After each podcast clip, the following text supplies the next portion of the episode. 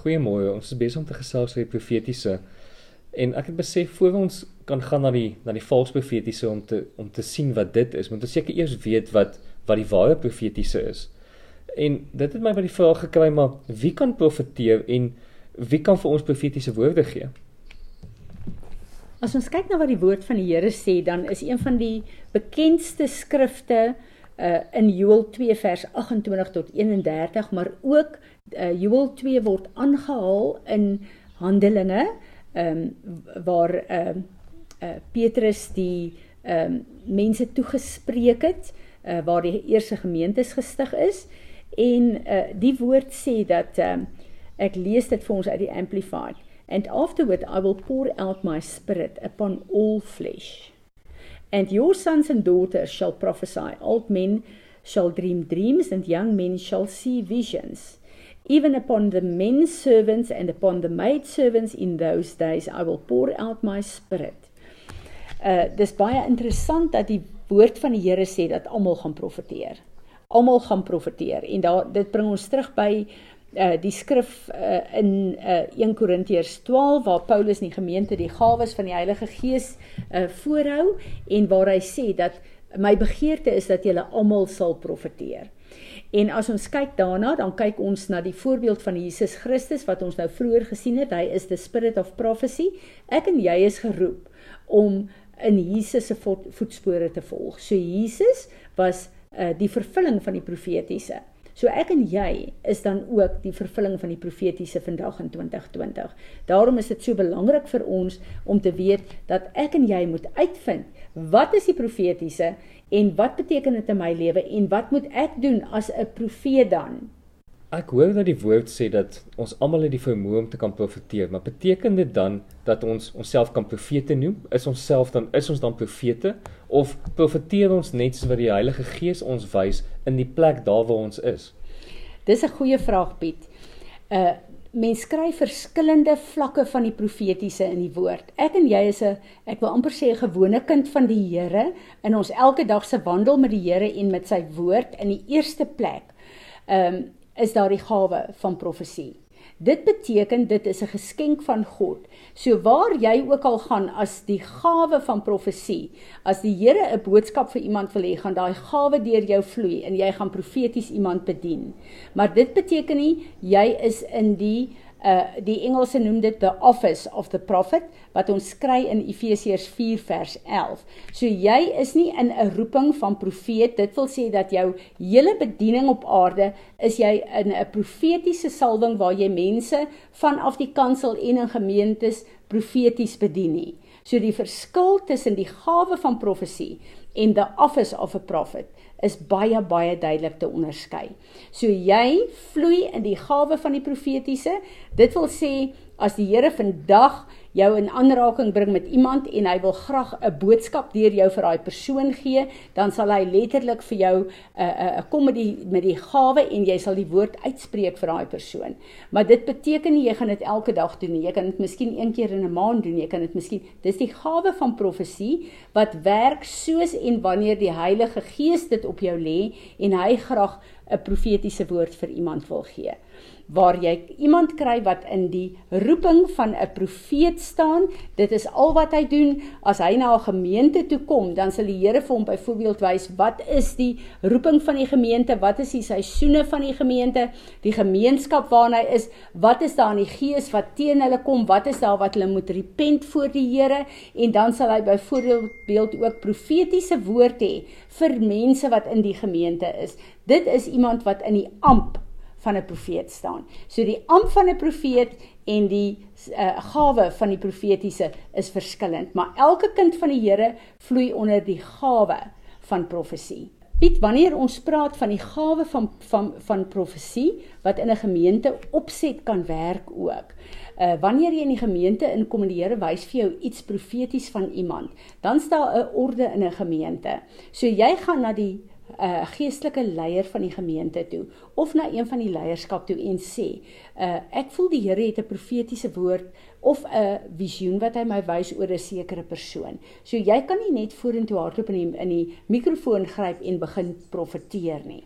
Uh dit is wanneer mense nie verstaan dat daar 'n orde in die profetiese is nie en deur dit kom baie keer vals profetiese woorde ook in. So binne 'n gemeentekonteks is daar 'n orde waarin die profetiese meegedeel moet word. As ons dan 'n profetiese woord kry, wat doen ons met hierdie profetiese woord en hoe werk ons saam met hierdie profetiese woord of hoe staan ons hierdie profetiese woord te?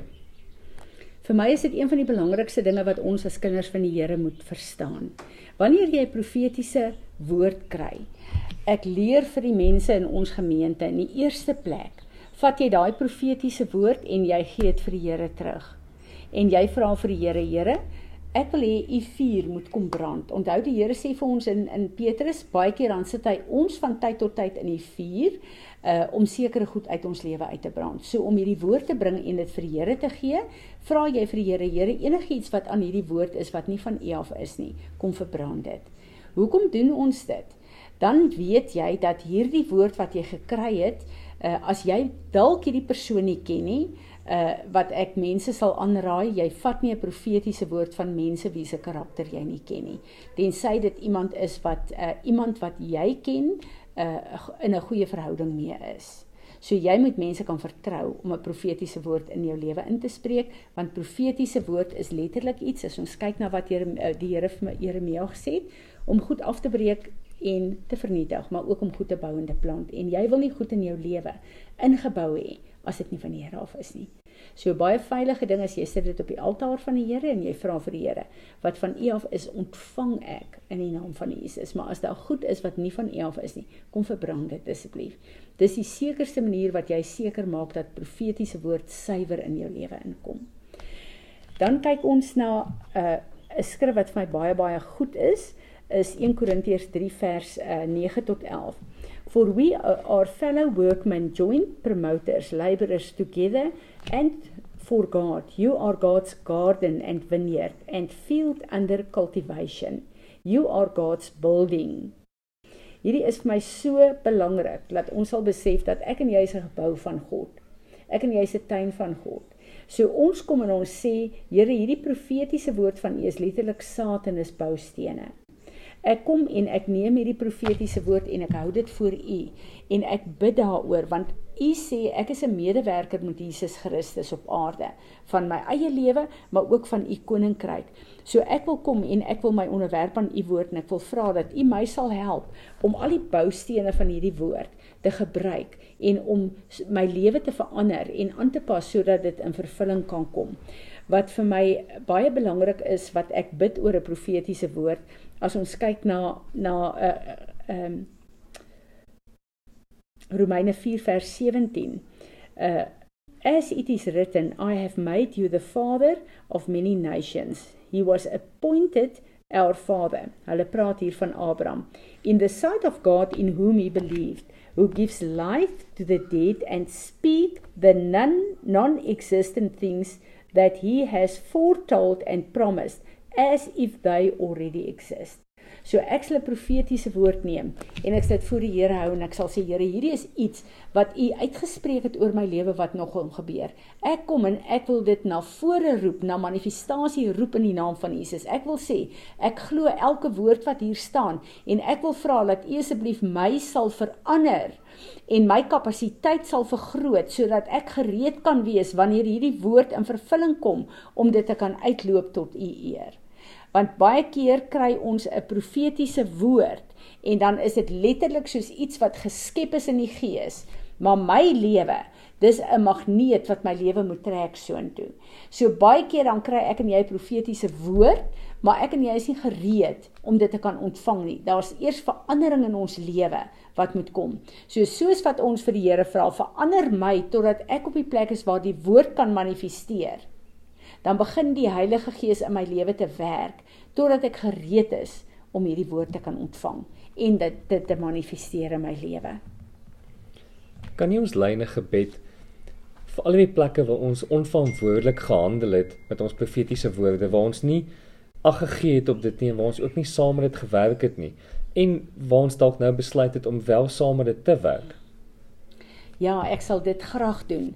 Vader, ons wil ver oggend kom en ons wil elke profetiese woord wat U in ons lewe vir ons gegee het, wil ons bring opnuut en ons wil dit op U altaar kom lê en ons wil vra Here, wat nie van U af is nie, kom verbrand dit. Maar elke woord wat van U af is, neem ons opnuut in besit ver oggend.